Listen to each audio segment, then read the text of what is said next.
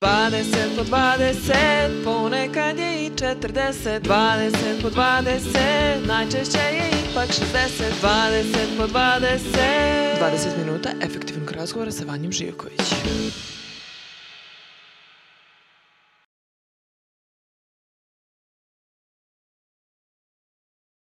Zdravo i dobrodošli na još jedan live 20 minuta efektivnog razgovora sa Vanjem Živkovićem.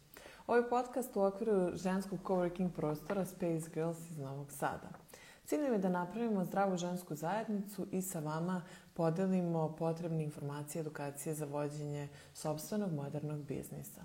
Ovaj live, kao i svaki prethodni, podržala je Artificial Intelligence kompanija Rubik's Code, a ovom prilikom mi im se zahvaljujemo. Više o njima možete pogledati na njihovom sajtu rubikscode.net. Moj današnji gost – je Vladimir Todorović, jedan od osnivača Kancelarije za međunarodnu saradnju i projekte na Fakultetu tehničkih nauka Univerziteta u Novom Sadu. Osnovni master studije završio je na elektrotehnici i računarstvu, departmanu za energetiku, elektroniku i telekomunikacije. Trenutno radi kao stručni saradnik za e, projekte Univerziteta u Novom Sadu i pri e, osnivači kreativnog edukativnog centra KEC. I ja ću se sada povezati sa Vladimirom i nastaviti priču, to je priču o pisanju evropskih projekata, šta oni sve podrazumevaju i kako se to radi. Ćao, zdravo. Ćao, Andren. Da čao, se čujemo, Dobro. vidimo. Čujemo se, vidimo se. Mm. Dobrodošao. Hvala, bolje vas našao. Hvala. Um, ja bih odmah krenula sa pitanjima, uh, ako ti je to ok. Uh, e, kratko Naravno. sam te predstavila. Uh, E, e sad, znači, danas ćemo pričati o pisanju projekata evropskih. U stvari, tu najviše ćemo se na to okrenuti. Malo ćemo pričati o razlikama, da nam uh, istakneš razlike između državnih i evropskih projekata. Ali, um, da li možeš za početak da nam kažeš šta to tačno podrazumeva kad kažemo projekat? Da, ovaj, ja sam često se susrećemo mi svi sa tim pojmom projekat i danas imamo situaciju da različite stvari čujemo oko sebe kako ljudi mhm. kažu da učestvuju u nekom projektu, da rade na novom projektu i tako dalje i tako dalje, ali ajde da na neki način definišemo to ovako kada su u pitanju, pošto je večerašnja tema su EU ili nacionalni projekti ili svi ovi E, projekti koje, koje pišemo, predajemo od, određenim fondovima i tako dalje. Mhm. E, pre svega ja bih rekao da su da je projekat u stvari e, finansiranje realizacije određene ideje. Nešto što mhm. mi imamo kao ideju i kojom želimo da rešimo određeni problem koji smo mi i naša grupa prepoznali, to nama predstavlja jedan projekat. Odnosno to upravo tim fondovima koji E, nama žele da pomognu, odnosno da finansiraju tu ideju, ovaj, predstavlja tako jednu sliku. Znači, postoji problem koji smo mi prepoznali, postoji grupa koja može da reši taj problem i postoji način na koji rešavamo problem, a to je upravo taj projekat i kao rezultat e, projekta treba da dođemo do toga da smo uticali na taj problem, da smo ga mhm. smanjili, da smo ga rešili ili tako. Sjajno. Kasnije ćemo se malo dotaći e, teme e, koje su to tačno teme koje su interesantne e, pri apliciranju e, ja. Da. i različiti kasnije ćemo se dotaći toga u stvari, a ovaj, e, da li možeš da nam objasniš sada koja je to razlika između tih evropskih fondova i nacionalnih? Da, ovaj, često i to slušamo kako ovaj, postoje neke nacionalne ovaj, E, neki izdvojeni budžeti nacionalnih da. za podršku ovaj, projektima, ali mnogo više i češće čujemo za EU fondove zato što su njihovi budžeti, ajde da kažemo, i veći, veći i da. zahvataju mnogo veći ovaj broj broj poziva, odnosno mhm. šire se u mnogo više struktura ovaj, i mnogo više polja, tako da su nama EU fondovi možda još i bliži nego nacionalni, ali u svakom slučaju prva i velika, odnosno i najveća razlika jeste odakle oni dolaze. Da li dolaze mhm. iz nacionalnog budžeta ili dolaze iz budžeta zemalja Evropske unije. Mogu to naravno biti, mi već razgovorimo o EU fondovima, ali ovaj, to mogu biti i fondovi zemalja koje nisu deo Evrope, mislim veliki, da, veliki da. broj fondova postoji iz, i dolazi iz Amerike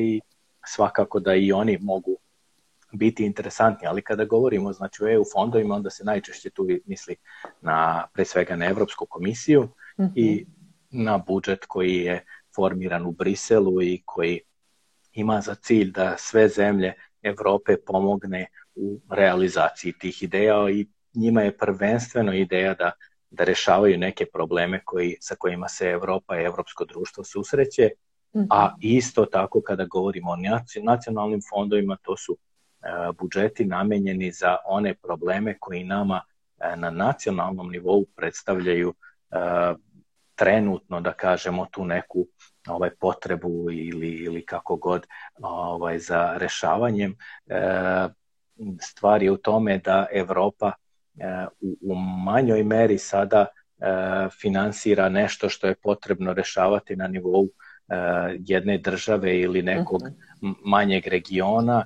ovaj, naravno postoje i takve preopredeljeni fondovi, ali e, u manjoj meri pošto e, više Evropi je stalo do toga da se nađe neka globalna rešenja za probleme koji postoje, kažem, među e, svim stanovnicima Evrope i mhm. da ta rešenja budu univerzalna u svim zemljama ili što više zemalja i tako dalje. Neki mhm. problemi koji postoje na nacionalnom nivou treba da se rešavaju upravo kroz nacionalne fondove zato mhm. što ovaj, neke zemlje postoje različiti nivoi na kojima se zemlje nalaze i tako da problem otpada i otpadnih voda recimo Za e, neke nije, nije, da. potreban, da. nije potreban Danskoj i tako nekim zemljama, pojedinim zemljama, dok kod nas imamo još uvek u situaciju i potrebu za tim da se, da se takvi fondovi opredeljuju upravo za tu namenu. Da, da, da. Um, a koje vrste projekata postoje u smislu različitih fondova? E, koliko sad i ja sam dosta lajk u tome, e, pa ću možda kroz moja pitanja da se ovaj da slobodno nam da, da, da. u da. komentarima postavljajte pitanja, ali ja ću onako laički to ponekad da ovaj postavim tipa na državnom nivou mi sad nacionalnom u stvari imamo kroz naše različita ministarstva, na primjer turizam, kultura i tako dalje. E, da li se tako raspoređuju i po Evropi po tako nekoj kategorizaciji ili na neki drugi način? Da, da, ovaj, i manje više sve, sve funkcioniše na, na sličan način. Ovaj, e, neke, neka metodologija usvojena od strane Evrope i Evropske unije se sve češće primenjuje i kod nas. I uh mhm. -huh. e, dosta se te neke da kažemo, globalne teme. Teme koje su sada aktuelne u poslednjih, ne znam, nekoliko godina su, dosta se poklapaju i kod nas i u Evropskoj mm. uniji, tako da dosta nacionalnih poziva e, često liči i na ono što e, što Evropa zahteva. U stvari ta neka podela, da kažemo, postoji ne znam, ne znam ko, koji broj bih sada mogao da kažem, e, broj podela, ali počeo od toga da projekti mogu predstavljati e, kada je Evropa u pitanju, znači da je to podsticaj za pojedince, za istraživača, za,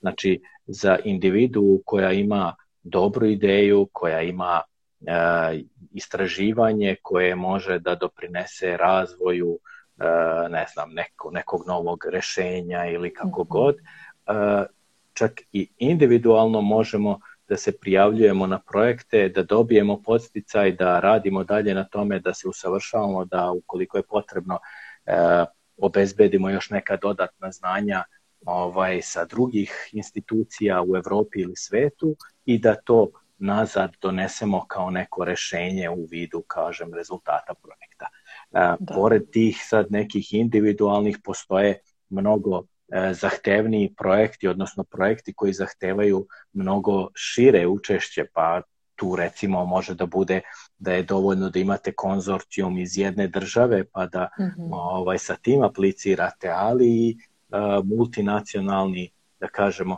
e, ono što Evropa najčešće zahteva je da imate učešće neke tri tri različite zemlje ovaj u Evropi da su zajedno u konzorcijumu, od toga, hajde da kažemo, pošto smo mi zemlja ovaj, koja je u pristupu, odnosno u procesu pristupa Evropskoj mhm. uniji, eh, najčešći zahtev jeste da to budu dve zemlje koje su već u Evropskoj uniji, da treća zemlja možemo biti mi.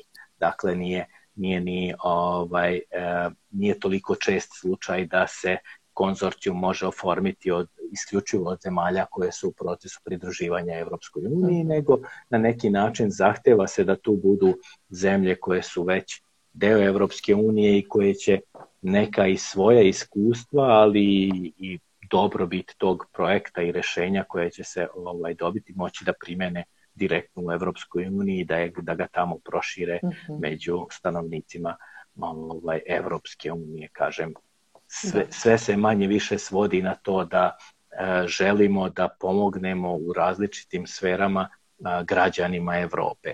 Da. Sve ovo, svi ovi fondovi manje više, pogotovo sada ovaj novi fondovi koje Evropa ovaj otvara su na neki način e, treba da budu pandan američkim fondovima, odnosno da se jača i nauka, istraživanje, inovacije i Evropa je u tome već poslednjih, da kažem, nekoliko ovaj, desetina godina gde pokušava da sve ono što je što nauka u Evropi a, može da, da doprinese i da iznađe neka rešenja, da to a, postavi u neki rang sa, sa Amerikom i njihovim istraživačkim institucijama. Mi težimo ka Evropi, Evropa teži ka Americi.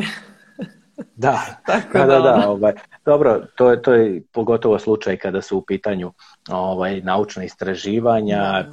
ve, svi da kažemo ovaj, ti najjači istraživački centri, nažalost, još uvek se nalaze ovaj, na, na teritoriji Amerike i mhm. naravno u Evropi su ovaj, takođe veoma jake istraživačke institucije, ali to, to postoji neki rivalitet i konstantna težnja da se ovaj, jedni drugi približe i kada se pogleda jasno struktura ulaganja e, država, hajde ako posmatramo Ameriku kao, kao ovaj, državu i posmatramo Evropu ovaj, kao, kao nekog rivala, ovaj, ulaganja su još uvek na strani Americi, Amerike, odnosno ve, veći deo e, budžeta oni i dalje ovaj, daju u istraživanja i nauku ovaj, procentualno se Evropa sada ovaj, polako približava, ovaj, odmah iza e, Evrope i ovaj i Amerike se nalazi Japan, a onda mhm.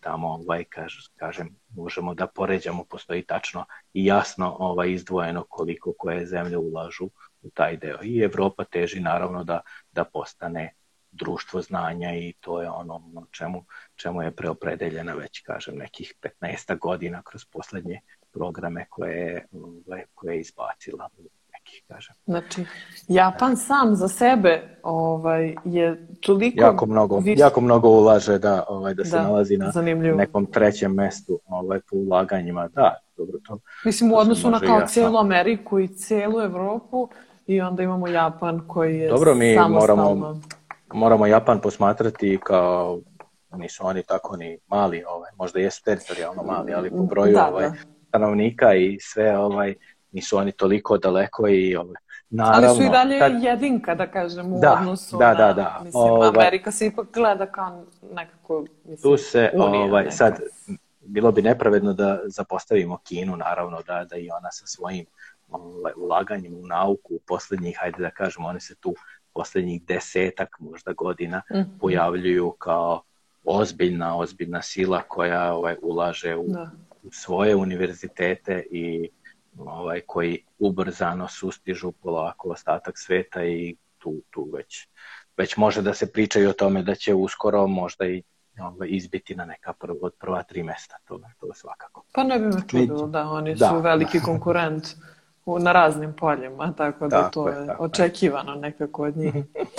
A da, da, da, ovaj, znaš šta, sam, šta me interesuje sad ovako? Ti sad kad čuješ da. kao neki običan građanin, pisanje EU projekata, to uvek zvuči, tako ti, uvek ti ljudi kažu, ja, ma to je teško, ma to nema šanse sam da napišeš, to moraš da nađeš nekoga da ti napiše, to, to moraš da platiš. Pa mene interesuje koliko je to istina, e, da li je to neko zastrašivanje, e, da li je, koliko je realno uzeti i napisati um, jedan evropski projekat, nekako kao koliko je kompleksno, koliko je, e, da kažem, blizu običnom čoveku. da li... Blisko, da, da, da, da, Tako da, eto, tako ha, Pa da, ovaj, da, to se stvarno često čuje i ja sad ovaj, držeći treninge i obuke za, za pisanje projekata i često imam ovaj, upravo kao eh, polaznike kursa i treninga ljude koji kažu a ja, dobro, mi smo se tu sad pojavili samo ovaj, ajde da čujemo ili poslala nas je kompanija i tako mhm. dalje, ali mi znamo da to da mi to ne možemo, nismo mi ovaj e, kadar za to, to ili Aha, ima, ima i oni koji dođu sa idejom kažu a ne, pa to je sve namenjeno ovaj tamo onim velikim zemljama, to će mhm. sve Nemci, Francuzi, Italijani da dobiju, ovaj nije to za našu malu zemlju i tako dalje. Ovaj prva stvar koju ovaj naravno im kažem je da pokažem im statistiku i pokažem statistiku da Srbija e, procentualno dobija projekata tačno u rangu e, proseka Evrope. Mm -hmm. Znači, mi dobijamo upravo onoliko povlačimo, odnosno uspešnost, uspešnost u pisanju projekata je kakav je prosek Evrope. Nismo ovaj, uopšte ne zaostajemo, čak moglo bi se reći da smo u nekim i pojedinim delovima tih programa izuzetno uspešni i da, da smo uspeli, uspeli da povučemo sredstva uh, koja nije se dešavalo da recimo uh, zemlje istočne Evrope, pa makar one bile i u Evropskoj uniji, povuku mm -hmm. ovaj, određene institucije u Srbiji su uspele ovaj, da, da povuku te ovaj, projekte. Najbolji primeri, pogotovo ovde, ajde, ovaj, tu iz Novog Sada smo pa znamo, ovaj, poznajemo se manje više i mm -hmm. čuli smo za institut Biosense i onda često ja da.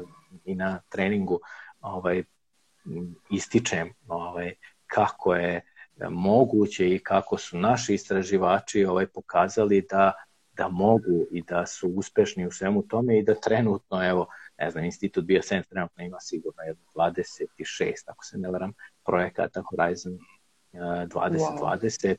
što je veliki uspeh i dobitnici su tog najvećeg projekta ovaj, koji, koji je dodeljen ikada u zemljama istočne Evrope i gde će, kroz koji će oni ovaj, povući neki fond od recimo 38 miliona evra, od kojih je pola ulaganje uh, Evropske komisije, pola će biti mhm. nacionalno ulaganje gde će se izgraditi i nova zgrada instituta i zaposliti još 100 novih istraživača i kupiti dodatna oprema i tako dalje i tako dalje. Sve je to moguće. To je prva stvar koju ovaj, pokušavam ljude da ubedim na samom ovaj, treningu da da, možemo, ovaj, svakako da možemo da pišemo projekte jer imamo dobre primere ovaj, iz prakse da, da to funkcioniše i radi. Ono što je druga stvar, to je kada se ljudi pitaju da li ja to ne mogu, e, tamo ima puno nekih obrazaca koje treba da popunim, tamo je, ne mhm. znam, treba da, da ispišeš ne znam koliko strana i tako dalje. Ovaj, da, jeste možda e, prvi put je svakako teško, prvi put je e, sve to potrebno razumeti kompletnu onu strukturu samog poziva, treba naučiti kako kako rastumačiti e, sam poziv. Ono što, što e, kada fond daje sredstva, oni obično raspisuju, mi obično svaki put raspisuju taj poziv i detaljno ga opisuju da vi iz samog poziva morate da izvučete, zna, treba da znate da prepoznate E, delove koje ćete kasnije iskoristiti i odgovoriti na njih svojim nekim rešenjima, odnosno mhm. morate polako pratiti tu strukturu svega onoga što zahteva e, investitor da dobije kako biste mogli da ispunite njegova očekivanja. I to su sad neki trikovi i tako dalje. Naravno, niti se bilo ko od nas e, rodio naučen da piše projekte. Može biti E, sa više ili manje talenta svako od nas, ovaj, zavisnosti od toga koliko ko ima ideja, koliko zna e, efektivno da se izrazi, da kažemo, u tom I da jednom se proda na kraju projekta. Dana. Naravno, da. ovaj, da. dobro, ali sve to mora biti praćeno u pozadini sa mogućnostima, odnosno lako je sad možda mi da e, obećavamo tamo kule i mhm. gradove mm -hmm. i tako dalje veoma lako evaluatori mogu i da procene da li je nešto realno izvodljivo ili nije. Ukoliko vi pogrešno procenite i ono sve što ste u samom predlogu projekta naveli da ćete ispuniti, to se mora poklapati sa vremenskim rokovima. Projekti su mhm. ograničeni, to su obično dve, tri ili četiri godine projekti u posebnim slučajevima mogu da traju duže po pet godina ili tako mhm. već, ali sve to mora nekako i vremenski da se uklopi. Onda imate određen budžet. E, ukoliko se tu postoji neko razmimoilaženje između svega onoga što ste naveli da ćete e, projektom e, uraditi, da ćete to sprovesti u tom vremenskom roku, a za određena sredstva koja tražite od njih, od konkretno recimo Evropske komisije, ovaj, sve može lako da se primeti da vi niste ovaj, Koje su posledice? Te. Jednostavno posledice su samo ovaj, da nećete proći na samom konkursu, odnosno da nećete biti finansirani. U slučaju govorimo eh, tek kada pišete Aha, predlog projekta i to je ono kao pišemo predlog projekta, napisali smo sve tih nekih, ne znam, 40-50 strana ovaj, koliko smo ovaj, ispisali kompletno to, to će neko da pročita, uporedi sve one delove i sve to, kažem, govori o tome da li mi možemo, naravno da možemo pisati projekat, nije, nije jednostavno, ali krenemo ovaj, sa prvim projektom, nakon prvog projekta dobijamo odgovore evaluatora, što, se, što je jako značajno. Ja sam ljudima često ovaj, upravo to govorio. Nije bitno uopšte e, šta ćete sada e, koliko ćete dobro napisati projekat, nemojte da se opterećujete time, ne ovo nije savršeno, ne mogu ovo da mhm. predam. Predajte to da dobijete odgovor evaluatora vama će tri pa evaluatora dati da. neki odgovor, vi ćete dobiti gde, šta oni očekuju, u kom delu mm, ste mm. omanuli i gde treba, gde možete da budete bolji, pa ćete pripremiti za sledeći poziv ovaj, e, nešto što će, što će njima biti jasnije, što će ih e, više približiti vašoj ideji, priči i tako dalje. Tako da sve se uči iskustveno. Aha, a na koliko, na primjer, sada, eto, um, dobijemo odgovor od komisije, e, iskustveno to da dobijemo ovaj feedback. E, koliko nakon toga otprilike može se e, aplicira za sledeći projekat? U smislu, na koliko idu ti pozivi ili tražimo neki totalno drugi ovaj projekat? Obično su ciklusi, hajde da kažemo, ovaj, manje više da se otvaraju u jednoj godini, da se otvara jednom taj poziv na koji mi želimo da mhm. apliciramo. Sad, teško je, teško je sad ovako jasno definisati jer imamo hiljade, hiljade mhm. bukvalno poziva, ali da kažemo, ajde neki ciklusi su da svake godine postoji poziv koji je nama interesantan. Recimo, ne znam, bavimo se povećanjem prinosa u poljoprivredi, primenom različite tehnologije ili kako mhm. god, ovaj, manje više takav ili sličan poziv će se pojaviti e, jednom godišnje i onda ćemo moći da ponovimo onu našu ovaj naravno da, da, da. dopunjenu ili prepravljenu e, aplikaciju e, svake godine. Mhm.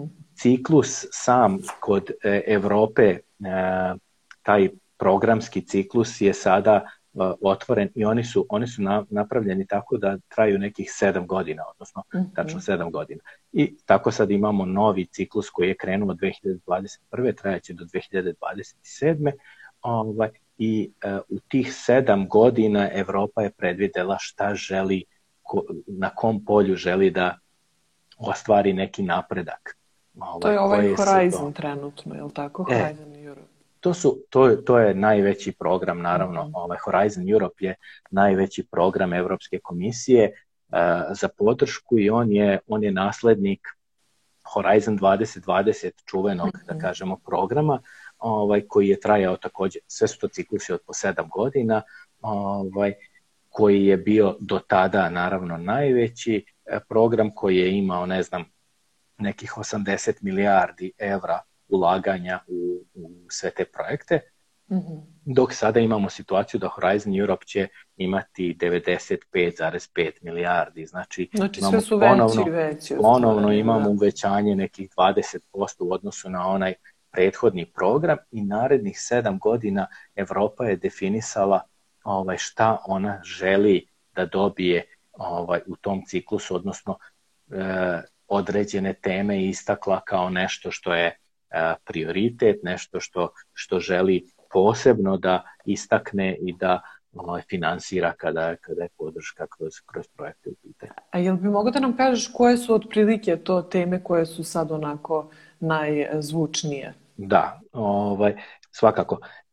Prvo, prvo neku najveću podelu treba da napravimo kada je Horizon mhm. Europe u pitanju. Oni ovaj, imaju uh, tri neka stuba, ovaj, da kažemo tri glavna stuba i, i ti stubovi su e, prvi je izuzetnost u nauci. Znači, to je mhm. sve ono što nauka može da doprinese znači svojim istraživanjima, e, inovacijama i tako dalje i to je prvenstveno namenjeno da kažem istraživačkim centrima, univerzitetima i tako dalje.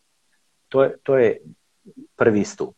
Drugi mhm. stup, e, drugi stup su globalni izazovi A, mhm. a to, je, to je u stvari sve ono što je, e, gde je Evropa definisala i rekla ovo je nešto što e, građane Europe ili Evropu ovaj, generalno e, ajde da kažemo muči i tu treba da posebnu pažnju obratimo. Znači globalni izazov je sve ono što će Evropi e, biti potrebno da bi e, na neki način napredovala i da bi rešavale neke probleme. E, i sada tu se najviše ti, i taj deo, da kažem odmah, ovaj, zauzima skoro 60% ovaj budžeta. 60% mhm. bude, budžeta će biti date na, bu, dato na ono što je definisano kao neki izazov za Evropu. I sad tu su zdravlje, hrana, poljoprivreda, e, borba protiv bolesti, poseban deo zauzima borba protiv e,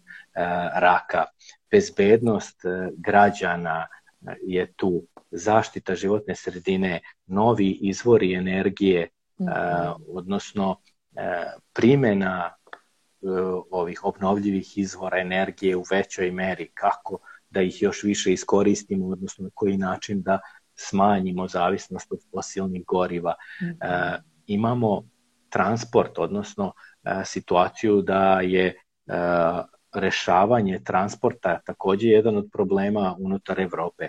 Sve, sve ono što se trenutno ovaj, prevozi, razmenjuje unutar Evrope i tako dalje, pravi problem u samom transportu. Traži se, traže se nova rešenja e, kako doći do novih rešenja kojima možemo e, taj transport unaprediti i obezbediti da on bude održiviji, kako da, da na primer, što više počnemo da koristimo transport koji neće e, imati toliki uticaj na zagađenje i tako dalje i tako dalje. To su da. neke stvari. Da, e, klima, e, digitalno društvo, e, sve ono što je sad posledica e, kompletne digitalizacije i tako dalje, to je taj neki cyber security, odnosno mm -hmm. bezbednost na internetu. Sve su to, kažem, eto, sad, sad polako prepoznajemo u stvari teme koje nas sve e, dotiču. Ne možemo, da. niko od nas ne može da kaže da je izuzet iz ovih tema uh, bukvalno. Jer nas okružuju, i, da, da, da. Tako je, i samo zagađenje i, e, i, i sve ovo što, što se dešava, kažem, uh, povodom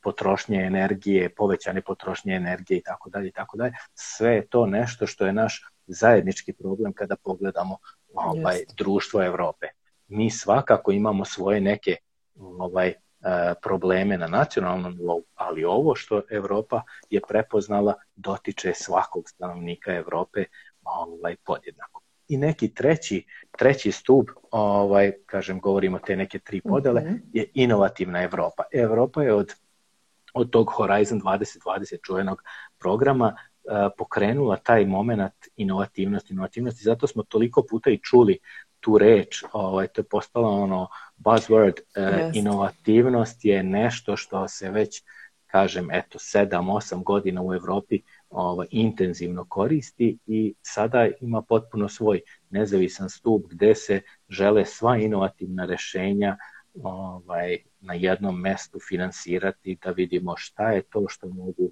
ovaj, individualno kompanije, e, svi zajedno u konzorcijumima da predstave kao neku potpuno ovaj, inovativnu ideju ili rešenje za, mm -hmm. za građane Evrope. Da, e, što, to nekako zvuči kao da i taj e, treći stup kao da bi mogao da se uključi u ova dva u stvari, ali su znači sad, ipak izdvojili. Sad kada pogleda možda, možda neke stvari ovaj, mi možemo posmatrati, da, kaže, imamo izuzetnost u nauci, a zašto da. je odvojena inovativnost i tako dalje. Često, odnosno pa, i u samoj izuzetnosti u nauci da. očekuje se ovaj, taj da. inovativni deo, inovativni moment i tako dalje. Naravno, Innovative Europe, taj treći stup, ovaj, je napravljen, u okviru njega e, postoji i, e, ne znam, evropski inovativni savet i tako mhm. dalje. To su inovacije i tehnologija i tako. To su neke, neki segmenti Evropske komisije koji su ovaj smešteni kroz koje se finansiraju ovaj, određeni projekti i daju se određeni poziv.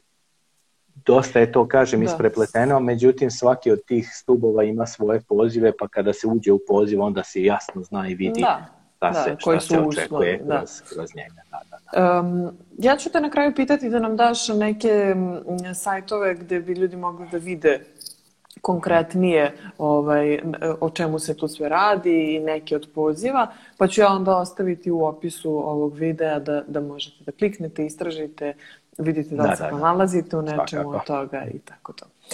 Um, nismo uopšte pomenuli, e, to jest nisam te pitala, da li su ta sva sredstva bespovratna? Mhm. Da, Ovaj, e, najveći Što je jako bitan deo, faktor. Da, da, da, da, naravno, naravno. Ovaj, najveći deo ovih sredstava jeste bespovratno. I to kad kažemo najveći deo. Hajde da kažemo da institucije iz Srbije maltene isključivo ovaj, apliciraju za bespovratna sredstva. Mi ne koristimo toliko onu, onaj, onu mogućnost kada, kada su kompanije ili kada su mm. univerziteti, fakulteti u pitanju, ne koristimo tu mogućnost nekog e, hm, da kažemo kreditiranja, odnosno da, nekog sufinansiranja da. i tako dalje. Postoje ti neki fondovi, ovaj, odnosno određeni pozivi e, i u okviru Horizona koji e, nam daju samo određeni procenat, određeni deo ovaj, financija koji nam nedostaje međutim mi najčešće idemo samo na ono što gde nam mogu finansirati potpuno naš projekat i ta sredstva su bespovratna. Mm -hmm. Ovaj ne, nije nije u pitanju nešto da da vi morate da, da ovaj vraćate ta sredstva. Ili da se uloži, da. Da, e, ono što postoji i što će sada biti ovaj u ovom novom programu, to će sad biti pokrenuto pa će u narednih sedam godina se ovaj to dobro iskristalisati i, i, i doći će se na neki ovaj nivo, željeni nivo, a to je da e, Evropa će ponuditi te neke akceleratore, odnosno uh mhm. -huh. E, moći će startupi i kompanije koje su tek u nastajanju ili jednostavno grupa individualaca koja će e, po dobijanju projekta da, da, da osnuje kompaniju, ovaj, imaće mogućnost da E, kroz akcelerator evropski dobije sredstva koja će Europa uložiti, ali e, na neki način e, jedan share, odnosno deo, mhm. deo u kompaniji će ostati u, bi bio u vlasništvu to bi se sad već definisalo tog da. fonda i tako dalje. Ovaj, to su kao neki, ajde da kažemo, business angels ili tako, mm -hmm. nešto mhm. što, što je opšte e, poznata priča i koja postoji kroz, kroz različite ovaj, fondove koji na investicione fondove i tako dalje. Sada će Evropa um, pokušati kroz ovaj program i na taj način da, uh, da potpomogne tu startup pre svega scenu ovaj, gde, gde će pružiti priliku da uh, za jako dobre projekte ovaj, bude uloženo od strane Evropske komisije sa određenim šerom. Ali govorimo najveći deo i, i opet ostatak onog novca sve to mm -hmm. bespovratno ono što vi treba da radite da sprovedete u delo ono što ste obećali ovaj, u tom, u e, e, tom e, to smislu smo... bespovratna sredstva. To smo se ovaj, dotakli u jednom trenutku. E, koje su posledice ako ne uspemo? Jer samo treba da vratimo početni iznos ili da, ostatak? Da, da, da, da, da, da. da. Ovaj, pa sad i tu možemo gore. i tu možemo ovaj da ovaj, i tu možemo da imamo ovaj različite e, različite neke, da kažemo, kriterijume. Da li ste vi mhm. uspeli da realizujete polovinu vaših aktivnosti, drugu polovinu niste uspeli. Sve će to da bude procenjeno na neki način i na osnovu toga bi vam e, bilo određeno da li vi treba da izvršite neki povrat sredstava. Da mhm. kažemo, nisu česte situacije u kojima vi morate da vratite, e, odnosno da vršite povrat sredstava. Obično, pošto su to u pitanju, kažem, najčešće i konzorcijom i više je tu institucija ovaj, povezanih, čak i kada neka institucija ne odrađuje svoj deo posla, ovaj obično se to nadomesti mm -hmm. tako da neko drugi preuzme ovaj taj deo aktivnosti i odradi to i na kraju se u tom finalnom izveštaju prikaže da je sve manje više okay. bilo onako kako je kako je i zamišljeno. Mm -hmm. Naravno da ima situacija kada konzorcijumi ne mogu da funkcionišu jednostavno neke stvari nisu mogle da budu realizovane i u tom slučaju ovaj Evropska komisija zahteva da se sredstva. Oni gledaju manje više sva sredstva koja ste vi uspeli do tada da potrošite, a da je to bilo u vezi sa projektom, to je, to je nešto što je po njima opravdano, a da ono što ste do potpunog budžeta trebali da dobijete, ovaj, ostane, vrati se nazad u budžet. Mm -hmm. Dakle, nije to sada da kažemo ovaj, tako da e, niste, uspeli, niste uspeli jedan deo, ovaj, onda ćete vratiti sve od početka, da. znači vratit će vas na nulu. Nije tako. E sad kad smo rekli da nema zatvora, nije baš da ga nema. Okay. Ovaj, u slučaju, ali to su stvarno i redki slučajevi i tako da. U slučaju pronevere novca, mm -hmm. evropskih fondova i tako dalje ovaj, postoje institucije koje se bave tim prevarama, e, da. koje će doći proveravati e, sve detalje vašeg poslovanja vezano za projekat i odrediti kaznu ovaj, u slučaju pokrenuti pa, jednostavno Mislim, zvuči, postupak koji... Da. Ali Zvuči ja, realno zato što su to velike, velike svote novca i onda nekako je dostupno um, velikom broju ljudi i mora da se nađe. Čim je ljudski faktor Vidite, uključen, vi mora ne biste, da se... ne biste verovali, ja, ja kada na treningu ljudima pokušavam ovaj deo da objasnim uh, vezano za ono uh, šta ne smete da radite na projektu i tako dalje, kada im objašnjavam šta ne možete plaćati za projekte, to se onda volim da ih malo šokiram sa nekim primjerima i onda im navedem primjer neke lokalne samouprave koja je dobila sredstva Evropske mhm. komisije za realizaciju određenog dela uh, plana, odnosno nešto što oni treba da realizuju u svom gradu, recimo vodovod. Mislim, govorimo o realnoj priči. Ovaj, unapređenje mreže vodovoda i tako dalje. I sada Evropska komisija vam odobri za to ovaj, bespovratnih, nije bitno, 10 miliona evra a lokalna samouprava u tom momentu kaže dobro, u redu, to ćemo uraditi, ali sad imamo prioritetniju stvar, ovaj, pa ćemo brzo preusmeriti taj novac na neku drugu Aha. ovaj, investiciju, nešto što nam je potrebno. Ali uradit ćemo, u, kon u konkretnom slučaju oni su ovaj baš pogrešno to procenili i njima je bilo potrebno za ovaj, za lokalni futbalski klub da ne ispadne iz prve lige, pa im je bilo potrebno da kupe igrača novog. A, okay. I ovaj, oni su od sredstava koje su im legla na račun kupili igrača iz Brazila, ovaj, što apsolutno ovaj, je, je, se smatra ozbiljnom, ozbiljnim prekršajem ovaj, u Evropskoj Ko bi rekao? Evo ne bih očekivala to. I onda naravno ovaj, kao posljedicu nemate samo to da morate da vratite sredstva, nego možete imati to da vas Evropska komisija stavlja na listu gde više ne možete da mhm. e, dobijate, povlačite sredstva od Evropske komisije. To je, to je Ma, možda i, kaž, da kažemo, like... još veća kazna, ajde što ste vratili novac, već što to nećete u nekom određenom narednom periodu moći uopšte da radite. A, ovaj, a, a, e se to onda da... odnosi samo na njih ili generalno banuju? To se, e? to se donese na nivou institucije. Imate mm -hmm. slučajeva kada je Evropska komisija e, blokirala određene zemlje.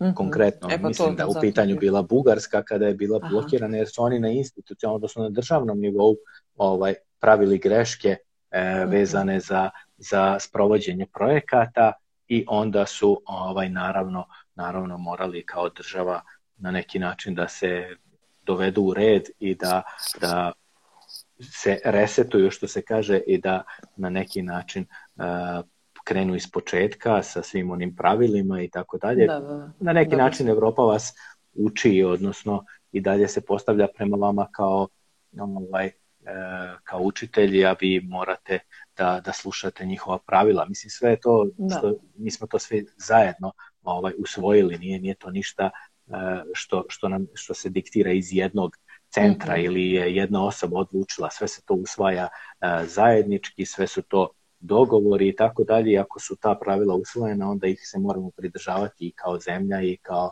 ovaj, pojedinci i kao institucije i tako dalje. Pa mislim to su veliki projekti i količinski i jako veliki broj ljudi je uključen. Bukvalno je nemoguće kad ne bi postala tako kruta pravila, to bi bilo mnogo vrdanja i to ne, ne bi bilo, bilo moguće. Ne bi bilo moguće upravljati tolikim da. fondovima bez da se nekome da, pa hajde vi to trošite, pa ćemo videti da li će nešto od toga biti. Svakako mora da postoji nešto, mora da postoji onaj jasan plan, vremenski, yes. jasan budžet, vi ne možete da odstupate od onoga što ste naveli u budžetu, znači postoje neka minimalna odstupanja koja radite u dogovoru sa vašim project officerom koji vam bude mhm. dodeljen, koji prati vaš projekat, ali ovaj, vi ne možete da onog momenta kada ste dobili sredstva da kažete dobro, zaboravljamo onaj budžet koji smo im poslali u inicijalne prijavi, sada ćemo Aj, mi da radimo ovaj, potpuno drugim stvarima i mi ćemo to da trošimo na, na neki naš način. Pravilnik je, ovaj, to je, to je jedna ovaj, zovimo je kako god, Biblija projekata Evropske komisije, ovaj, taj neki work program ili annotated grant agreement, stvar koja, znači, brošura ili knjiga ili nešto što je zauzima nekih 800-900 strana, ovaj, mhm. gde vam se nalazi bukvalno sva, sva, nalaze sva moguća pravila i šta u slučaju da vam se desi jedno, drugo ili tako dalje. Vi u samom projektu morate da navedete sve moguće rizike za neuspeh vašeg projekta. Vi morate da predvidite šta mhm. je to, da li će vreme vama da utiče na, e, vi nećete moći da sprovedete projekat ukoliko se desi da, da vremenske prilike ne budu odgovarajuće ovako od toga zavisi da, projekat, da, vi da. to morate navesti, morate navesti njima e, alternativu kako bi oni bili svesni da vi razmišljate u tom pravcu šta ako se desi mm -hmm. ovo. Mhm. Mi sad imamo situaciju da niko nije mogao da predvidi ovu situaciju koja se dešava ovaj u svetu. Mnogi projekti su sada ovaj na neki način da kažemo. Jesu stopirani ili su... Nisu, nisu stopirani, ali do, dosta izmena postoji. Uh mhm. -huh. Ima, postoje ovaj i postoje određeni projekti da kad kažem ni stop nisu stopirani nego su pauzirani stavljeni su to, to, to. ovaj e, dato je godinu dana da ovaj da se da se na neki način amortizuje ovo što se sada desilo dosta projekata zahteva e, interakciju koja je e, na nivou znači E, govorimo o putovanjima, razmenama da. E, i sve to. Takvi projekti su sada ovaj, ispaštaju u velikoj meri i nije moguće ovaj, njih realizovati prema onom prvobitnom planu. Vi kada ste u budžetu vašeg projekta imali pre, preopredeljeno recimo pola miliona evra za putovanje istraživača iz jedne u drugu da, zemlju, na na onu instituciju, sada ispada da vi ne možete da potrošite ta sredstva i da, da. vam projekat zbog toga izgleda sa strane gledano neuspešan. Ali yes. ovo je situacija koju nismo mogli da predvidimo. Međutim, to se sada desilo. Već sada u narednim svim pozivima mi možemo da predvidimo i da kažemo ovaj, da, u, Ako dođe poja, do pandemije. u slučaju pojave pandemije, mi ćemo to da prebacimo tako i tako. Mi ćemo ovaj deo koji je zahtevao da odemo kod naših partnera, da tamo radimo i tako dalje, da, da. istraživanje vršimo u njihovim laboratorijama, mi ćemo to uraditi na ovaj ili onaj način. Tako da mhm. ovaj učimo se u tim nekim stvarima, ovaj ja sam ja sam nažalost i na svom primeru naučio prvi put jedan od rizika na projektu sam trebao da postavim uh, E, da postavim po, po gradu obaveštenja o rezultatima projekta na billboardima. To je ovaj, e, u jednom momentu ispostavilo se nemoguće. Zašto? Šta? Nema slobodnih billboarda. Kako nema slobodnih billboarda? Trenutno su izbori. Trebu, to su izbori u državi. Kada su izbori u državi, onda je teško doći do toga da zakupite billboard. I onda sam ja naučio da kada imam jednu od takvih aktivnosti, kada je potrebno da e, da stavite to kao, kao nešto što će biti rezultat projekta, da uvek u onaj rizik stavite, postoji mogućnost da bude redovni ili vanredni izbor ili kako god i da nećemo moći na taj način da se oglašavamo, ali kao alternativu ćemo koristiti neke druge vidove oglašavanja, pojavit ćemo se tu i tu. Nešto i što ti nikad ne bi palo na nešto što, napavit. Da, ne, ne razmišljate o tome da vam nešto što, pa mi imamo toliko bilborda, zašto ne bi mogli sad da nađemo ovaj 10 bilborda Da, mm, ima da. situacija da. kada, nas, kada nam je to sprečeno. Da. da, da. Ja, baš zanimljivo. E, ono kao kad mhm. kažemo nov normalno i, i kao kako će izgledati svet, hoćemo nositi maske za uvek u avionima, hoćemo li pisati u projektima ako dođe do pandemije. Fenomenalno. Da, da, da. Sjajno. Tako ćemo. Sjajno. Da, da. Um, Gde smo stali? Samo ja da vidim šta je ovdje. Ja još svašta nešto te pitam, a ti to nama sve detaljno, hvala ti na tome što nam tako detaljno pričaš i sa svim tim pri, pri, pri, ovaj, primerima, pa je onda sve tako ovaj projekte, toj kompleksnosti pisanja, Naša treba obratiti pažnju sem tih, um, je se čujemo? E, čujemo se, nešto je bilo ovaj... E, nego ja sam te znači pitala za delove projekta koje su kompleksnosti pisanja, na što obratiti pažnju, e, tako neke. Sad smo tu imali tu zanimljivu priču oko rizika, to je baš ovaj... Da. Neki savjet pored toga, na primjer. Ajde ovako, ovaj... I izvim, sad to da jednostavno. Da, dodam, da. Koliko, koliko otprilike vremenski treba da se napiše jedan projekat? Da. Ovaj, Nije sad tako jednostavno da mi kažemo ovaj, e, uh, najbitnije je to i to u projektu. Mm -hmm. Postoje neki delovi projekta i svi oni ovaj zahtevaju uh, da budu dobro napisani u određenoj meri kako bi ovaj se moglo doći do pozitivnog ishoda kod evaluatora kako bi se dobile pozitivne ocene i da dobilo finansiranje. Ovako, e, ti, ti veliki projekti ovaj, koji su govorimo o okviru Horizon Europa, e, najčešće imaju e, strukturu koja je ujednačena i koja uh mhm. -huh. kaže imamo neka dva dela, dva dela projekta. Prvi vam je ograničen, prvi dva dela e, predloga projekta naravno.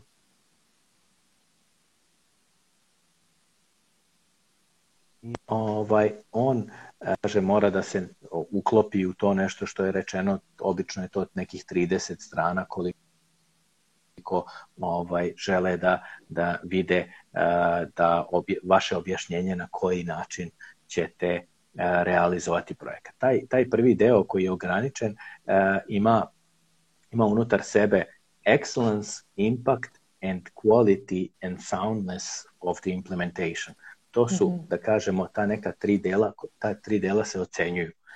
Znači, uh, excellence deo vam, e, će vam se ocenjivati uh, u tom smislu da se vidi uh, izuzetnost vašeg predloga, uh, po čemu je on drugačiji i kako, kako će to ovaj sve izgledati, funkcionisati.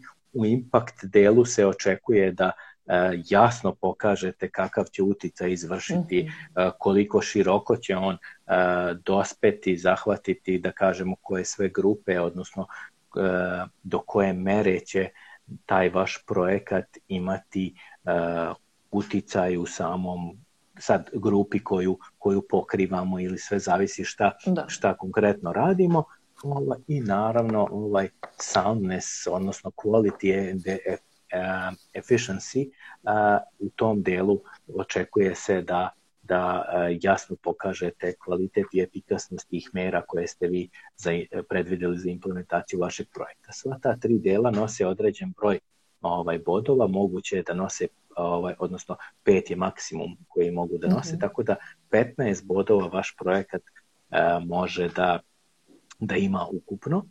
E, drugi deo koji nije ograničen po broju strana je u stvari predstavljanje konzorcijuma, odnosno svih onih koji učestvuju u tom projektu, e, kako bi se videlo iskustvo tih da kažemo ova institucija i individua koji učestvuju u projektu da se pokaže da oni mogu da prate da ovaj deo da, da, da, koji su ovaj napisali da će uraditi odnosno koji su obećali da će uraditi. Kada sam rekao o ta tri dela ovaj, koje nose pet bodova, vama je potrebno tri po boda u svakom od tih delova da osvojite ovaj, kako bi prošli taj neki prag. Mm -hmm. e, znači, ajde da kažemo nešto iznad 10 bodova od, e, od 15 mogućih je potrebno da biste uopšte bili ovaj kvalifikovani da uh, uđete, da se rangirate, da kažemo, mhm. ovaj, e, da budete finansirani obično kada pričamo o projektima. Ne postoji baš e, kada je Horizon Europe u pitanju, e, da vam kažem, sad, e, strogo, proći ćete čim budete imali 13 od 15 bodova. Ne, da, da. sve da. zavisi od konkurencije, zavisi od kompetitivnosti svakog od tih poziva. Na neki poziv će se javiti uh, e, dve znači prijava će biti od strane različitih konzorcijuma. 200 prijava, oni će finansirati pet, recimo. Uh mhm. -huh. Onda vidite koliki je tu e, rivalitet i e, nekad se dešava da 14, 14 i 14,5 bude granica od 15, da možete da shvatite koliko su to ovaj kompetitivni. Da. To je ono u stvari što onog sa početka naše priče što ljude uplaši i kaže da. uh ne možemo mi to, pa to mogu samo ovi veliki i tako dalje. Da, možemo mi da dođemo i do tih 14 bodova, pa ćemo biti ovaj finansirani ovaj, mm, sigurno. Kažem, mhm. ne postoji sad jasno da vam kažem čim osvojite 12 bodova znajte da ćete biti finansirani. Možda, da, a možda i nećete. Da. Ovaj, međutim, e, i sve te delove ocenjuje nezavisno ovaj komisija. Postoje evaluatori, postoje tri evaluatora koja će svako od njih posebno dati svoje mišljenje, dati ocenu, pa će se ovaj, te ocene sabrati i na kraju ćete dobiti jedinstvenu ocjenu, dobit ćete komentare od svih tih evaluatora na svaki od vaših delova i šta je dobro i šta nije dobro, šta oni nisu ovaj uspeli da razumeju i tako dalje.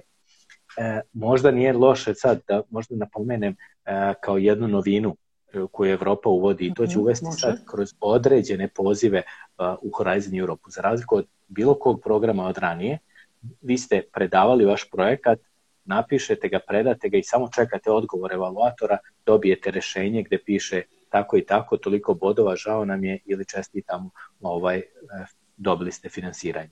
Mm -hmm.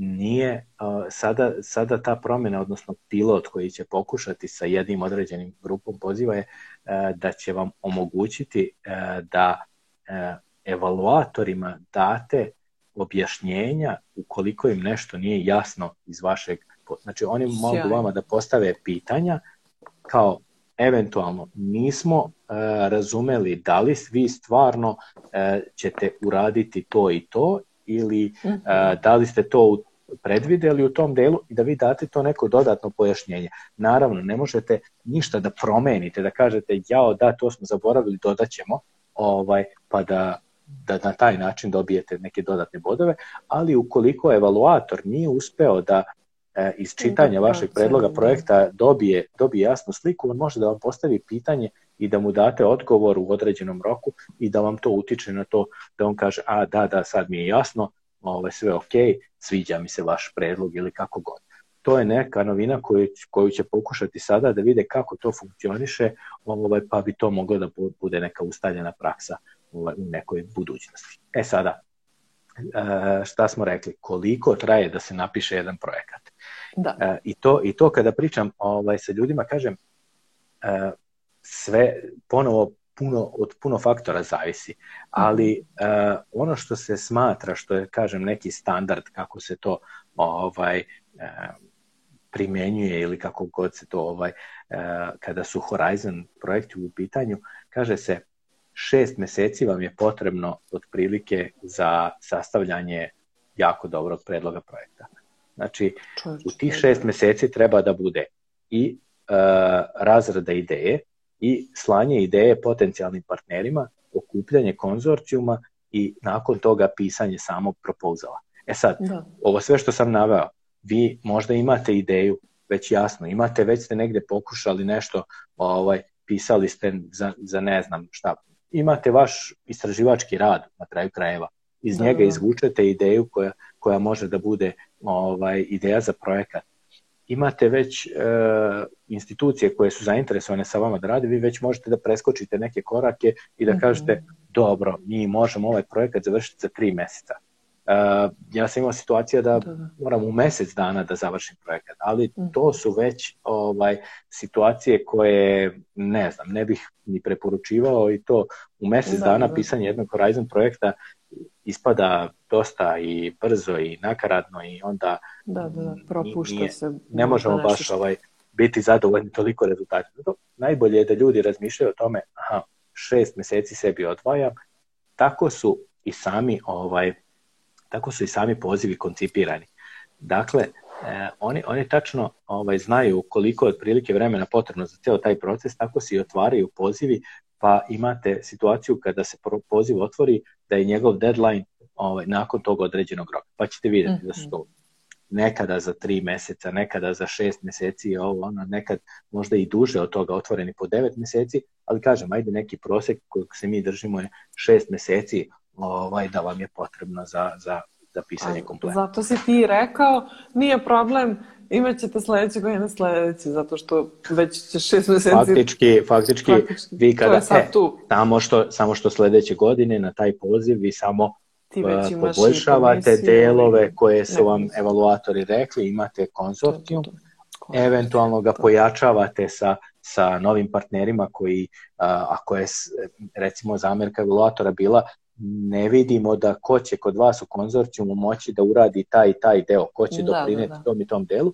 onda u tom slučaju vi imate vremena da za sledeći poziv pozovete neku jaču instituciju, zamenite nekog od partnera ili dodate novog i da u tom slučaju je onda mnogo brže, naravno svaki je put e, brže pisati projekat koji ponavljate. Da da ljudi ne pomisle da to je znači neki beskonačan proces, mi napišemo projekat, predamo ga, odbiju nas, mi dodamo, predamo, odbiju ga i tako dalje. Nije. Obično se projekat će vam proći obično prvog, ako ste baš super, iz drugog puta, eventualno trećeg, posle trećeg puta više neće imati smisla, to znači da ste promašili Možda očigledno. Ide, da. ako, vi, ako vi niste uspeli iz tri puta da ga doterate mm -hmm. te mere da da dobijete ovaj pozitivan odgovor, to znači da je najverovatnije promašena ovaj tema, odnosno ono što, što želi ono poziv da, da, da ostvari. Tako da ovaj nije to sad neki ne znam koliko ovaj koliki broj ponavljanja, jedan, dva ili da. treći puta ćete dobiti projekat.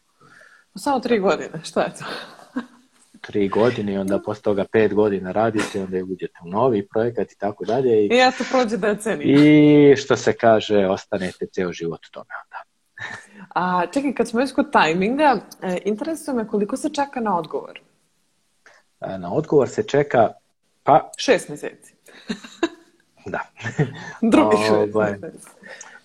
Obično oni u uh, tri mjeseca ovaj, vam mm -hmm. daju daju odgovor, obično nakon neka tri meseca, u određenim pozivima to može biti i duže.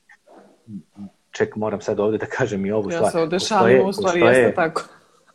Postoje pozivi koji se odvijaju dvostepeno, odnosno u dve neke faze, kada vi treba da napišete pet strana vaše ideje, uh mhm. -huh. ovaj, predate, Ako se pitch. njima svidi, oni će vas pozvati da napišete kompletan projekat. To su znači oni two stage projects, da, da. gde vi ovaj, inicijalno samo treba da zainteresujete njih, a onaj detaljan opis ćete im poslati u drugoj fazi ako prođete, e tek tada vas onda uzimaju u razmatranje za finansiranje.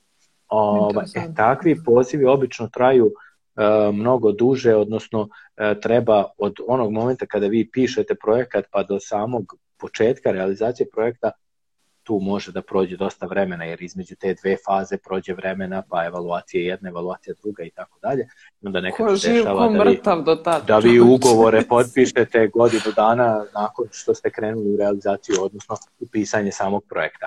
Ali, ovaj, hajde da kažemo, obično nakon tri meseca dobijate odgovor mm -hmm. ovaj, da li vam je projekat o, prošao, onda ulazite u proces, ima Evropa je dosta ovaj, birokratska, to ćete često mm -hmm. čuti, i birokratija u Evropi je na visokom nivou razvijena, e, ući ćete u proces e, potpisivanja ugovora koji ni, ni to nije, da kažemo, ovaj, mači i kašalj, e, potpisati ugovor sa Evropskom komisijom, uskladiti sve preko tih portala i tako dalje, doći do konačnog modela ugovora, da ga potpišu svi partneri u konzorcijum i tako dalje, tu su vam rokovi, evo sad ću vam ja reći najbolje primjer.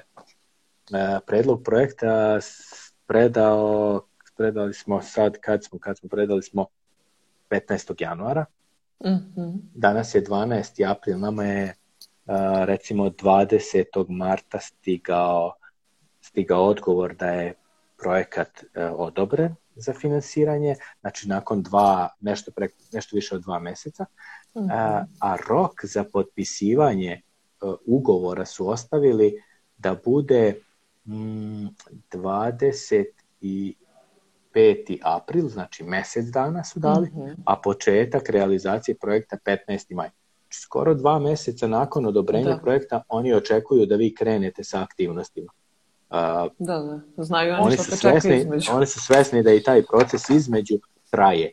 Da. To je, mislim, neminovnost, jer oni moraju da, da budu takvi da se jedna druga strana obavežu da svima bude jasno da nema posle e, nema greške. Vrtanja, da. prihvatili ste, ako ste prihvatili ovo sve što, što je ovaj rečeno i njihova strana i ovaj, vaša strana, onda krećemo u realizaciju projekta. Naravno, sve to oni gledaju da pojednostave e, i svakog tog ovaj, novog ciklusa izlaze nova iskustva pa se tako i menja taj super je to napredak naspram onoga kako je to bilo, ja se sećam ovaj, pre deseta godina mi smo te projekte uh, morali i ugovore da potpisujemo fizički, da šaljemo u Brisel, da dobijamo nazad i tako dalje. Danas je to sve urađeno online preko portala, sve se radi ovaj preko preko nekih formi koje ovaj gde mi uploadujemo naše mm. ovaj naš projekat gde se elektronski potpisuje i nakon toga dobijamo elektronski ugovor i to sve sve je to mnogo naprednije nego što je bilo, ali i dalje zahteva, kažemo, te neke procedure i pravne ovaj, sitnice koje se moraju da vreme, naravno. Pa da. Um, ovako pred kraj imam da te pitam nešto što mislim da će isto ljudima biti interesantno i što ih interesuje, a to je kod nas se govorka stalno da su projekti namešteni i da se tu i peru pare i rade razne stvari. Um, da li uh, su takve stvari prisutne u Evropi ili su tu prosto oštriji neki um, ti te provere, um, da li postoje lobiranja za projekte, da li, kako to te neke tako sporedne da. uličice? da, to je, to je sad neminovno. Čim su u igri ovaj, pare, čim su u igri neki fondovi i tako dalje, mora da postoje takve priče. A čim postoje takve priče, ovaj, verovatno da nešto postoji, jel tako? Ovaj, da.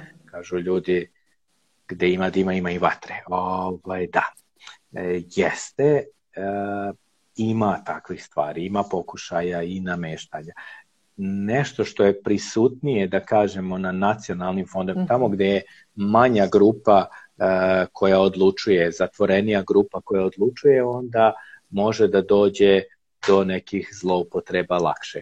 Uh, na nivou, kada pričamo o EU, kad, na nivou Brisela i tako dalje, e, selektuju se evaluatori iz različitih zemalja uh, koji pripadaju toj određenoj oblasti gleda se da nikada isti tim evaluatora ne radi na evaluaciji a, zajedno projekata više mhm. puta i tako dalje i tako dalje znači da ne bi moglo da dođe do toga da da ti ljudi na neki način se dogovore da da, da oni ovaj, da. u budućnosti ovaj, odlučuju zajedno kao vidimo se na sledećem pozivu pa ćemo tamo namestiti ovo ili ono.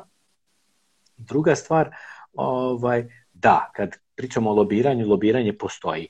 Nije, nije niko imun od toga i ne postoji savršen sistem pa da, da, da. kažemo ovaj, ne, to je izbegli smo taj deo ili kako god. Ovaj, naravno, neko će nekoga poznavati u Evropskoj komisiji ko je šef određene jedinice u Evropskoj komisiji ta jedinica recimo objavljuje pozive i tako dalje i tako dalje i onda će moći da kaže neku lepu reč za jednu grupu koja je, baš su oni poslali projekat i tako dalje. Međutim, jedna dobra stvar e, koja se može ovaj razlikovati, a to je vi ukoliko niste dobro ocenjeni, da, da je vaš projekat dobro ocenjen od strane evaluatora, vi ne možete e, izlobirati e, kod mhm. bilo koga, pa makar to bio i bila predsednica Evropske komisije, ovaj, izlobirati da taj projekat prođe. Vi morate proći taj uh, moment kod evaluatora, mhm. znači vaš projekat mora imati glavu, rep, mora biti dobar, dobro ocenjen i tako dalje. E, tu onda nastupa ta, to umeće, da kažemo, lobiranja. Ako ste vi između dve stotine projekata koji su da, se da, da, da. prijavili da. A, i imate rangiranje tako da, da će pet projekata biti finansirano, e, i onih svi koji se kreću između 14,5 i 15 bodova. To su tako da. male razlike. E sada tu može postojati i onda sad postoji, isto kao što postoji ta priča, e ovde namešteni su fondovi ovako onako kao kod nas u zemlji kako to pričaju, ovaj, tako postoji na nivou Evrope e, priča kako Italijani to lobiraju često za svoje ovaj, oni su dobro raspoređeni po Evropskoj komisiji, uvek oni nađu nekog svog koga poznaju i tako dalje, pa će reći, e vidi oni moji su predali projekat, mhm. obratite mm -hmm. pažnju na njih ako budu dobri, ovaj to bi baš bilo dobro da ovaj da, da bude finansirano i tako dalje i tako dalje. Međutim znači, kažem, na tom nekom to najvišem sad, nivou se u stvari to je na najvišem da, da. nivou i tako dalje. Imate vi čak E, često ovaj, ja sam se susretao sa tako nekim agencijama ili pojedincima koji vam se pojavljuju i kažu mogu da vam sredim da, da vam projekat prođe i tako dalje. Ja, mhm. ja sedim sa ne znam, evropskim komisarima, pa, pa ću ja sesti, pa ću pohvaliti projekat i tako dalje. To su najčešće ljudi koji ovaj, eh, hvataju ljude koji ne poznaju tu situaciju i hvataju ih na tu da. neku, da kažemo, foru, ovaj, da, da, ja ću vam to srediti, pa vi napišete projekat, pa on prođe, on kaže, eto vidite, vidiš da sam uspeo da se ne prođe on projekat, on mm. kaže... Vi šta sam ti sredio? Nije bilo šanse, znači, eto, da, sve da, sam pokušao i tako dalje. To su najčešće ljudi koji, ovaj, kažem, a, nemaju nikakve veze sa, sa njima tamo, eventualno su nekad nešto ovaj radili u, u Briselu i onda sad to koriste da, kao da, da, neku da, da, kao ovaj, referencu, u ja mogu sada da sedim na tamo se ljudi smenjuju, tamo dolaze novi komesari svake ovaj četiri godine ovaj na, na tim izborima za evropski parlament i tako dalje, ovaj nije baš realno da da su ljudi ovaj koji su da. nekada radili u Briselu sad kao poznajem ja tako povezani da, da, da. i da. tako dalje.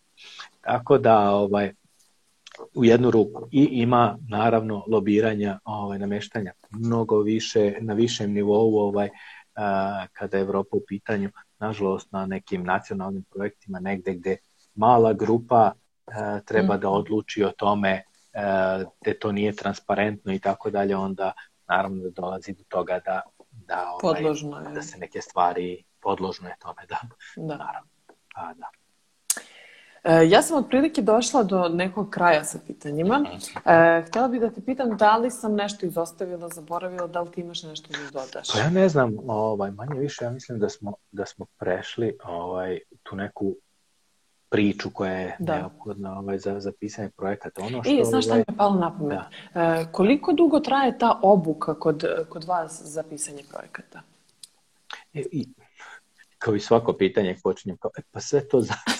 ovaj, da, ovaj, uh, na neki ja, okvir, ja, to par dana? Ja najčešće, ili... ja najčešće držim ovaj obuku i najviše sam do sada obuka i treninga radio kad je vezano na ovaj, financije i budžeti, samo budžetiranje projekta i to sve. I to radim ovaj, u jednom danu. Ovaj, mhm. prolazimo uh -huh. sve te forme budžeta, primere i tako dalje, to je jedno.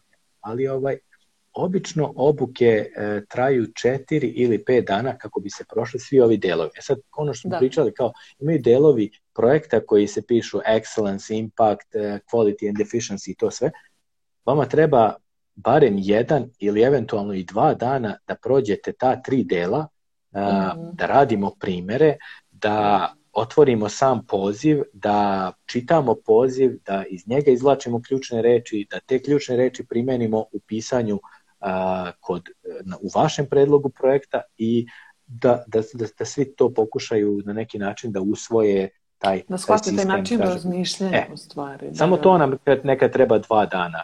Uh mhm. -huh. Nama ode nekoliko sati u, u danu ovaj, na, na, na to kako da se vaša institucija prijavi uopšte da e, za, za EU projekte, odnosno šta morate da posjedujete, ima tamo, postoji neka prijava na portal gdje vi morate biti ovaj prijavljeni kao institucije ili kao individua i tako dalje imati imati taj neki određeni kod ovaj mhm. koji vas svrstava kao eh, u grupu koja može da aplicira za projekte, da povlači sredstva i tako dalje. I tu da. nekada, nekada je potrebno kažem, raditi sa ljudima samo na, na tim prijavama par sati. Ovaj, I onda sa, svi ti delovi ovaj, pisanja, pisanja projekta, neki trikovi i tako dalje.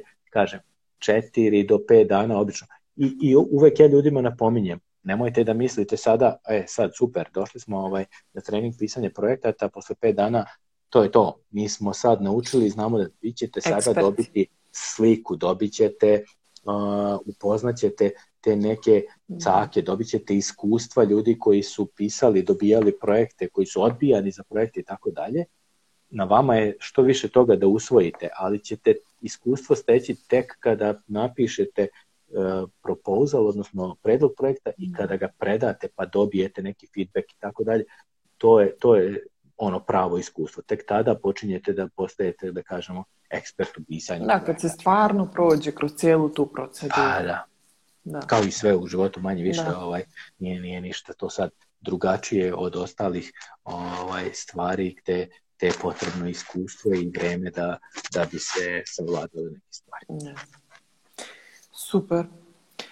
Um, tako da, ako imaš nešto uh, da nam dodaš, sad je pravi. Ne, ali onaj tak? deo koji si ovaj, ispomenula, uh, gde to ljudi mogu da nađu, ovaj, e to. Uh, to, to trebamo ovaj, da, da, da ostavimo te neke linkove da ljudi vide uh, gde, gde i koje, koje su ovaj i naj, najbolje informacije, najbliže informacije, kako god. E sad ne znam kako to da... Pa da, znaš šta, da najbolje je da ti meni to pošalješ i onda ja da stavim u opis videa. E, pa dobro. dobro. Čisto da ovaj, bude klikabilno, da ljudi ne moraju da zapisuju, nego da imaju sve na jednom može. Tako, ću, tako ću onda poslati te nekoliko tih linkova. Najvažniji od tih linkova je taj evropski ovaj, gde su svi svi pozivi, tenderi ovaj, za projekte i onda ovaj, odatle se kreće u tu pustolovinu. U igranku. Pisanja projekata. pa da. Vladimire, hvala ti puno. Ovo je bilo tako e, hvala informativno tebi. i korisno i detaljno. Nadam se, nadam se da je bilo korisno i da, ovaj, da, da nismo gledali. Pa, meni jeste. Ja sam dosta veliki lajk. Like. Nikad nisam pisala ovaj, EU projekat, nisam imala to iskustvo. Pisala sam neke nacionalne projekte. I uh, I onda sam da. me zanimalo da vidim i da upoznam neku razliku i tako dalje. Svi koji su pisali nacionalne projekte, nek se slobodno prihvati EU projekata, to je proširenje, ova da. jeste neka stepenica iznad, ali je dobra podloga, tako da ovaj, nema, nema straha, bez straha u sve ovo. Jedina sigurna stvar da nećemo dobiti projekat je da ako ga ne ako Ga ne napiš. Da. Tako je. Sjajno. E, hvala ti puno, e, pogotovo što je ovako tebi. bilo detaljno, to, to mi jako znači, volim kada imamo konkretna znanja koje se prenesu ljudima.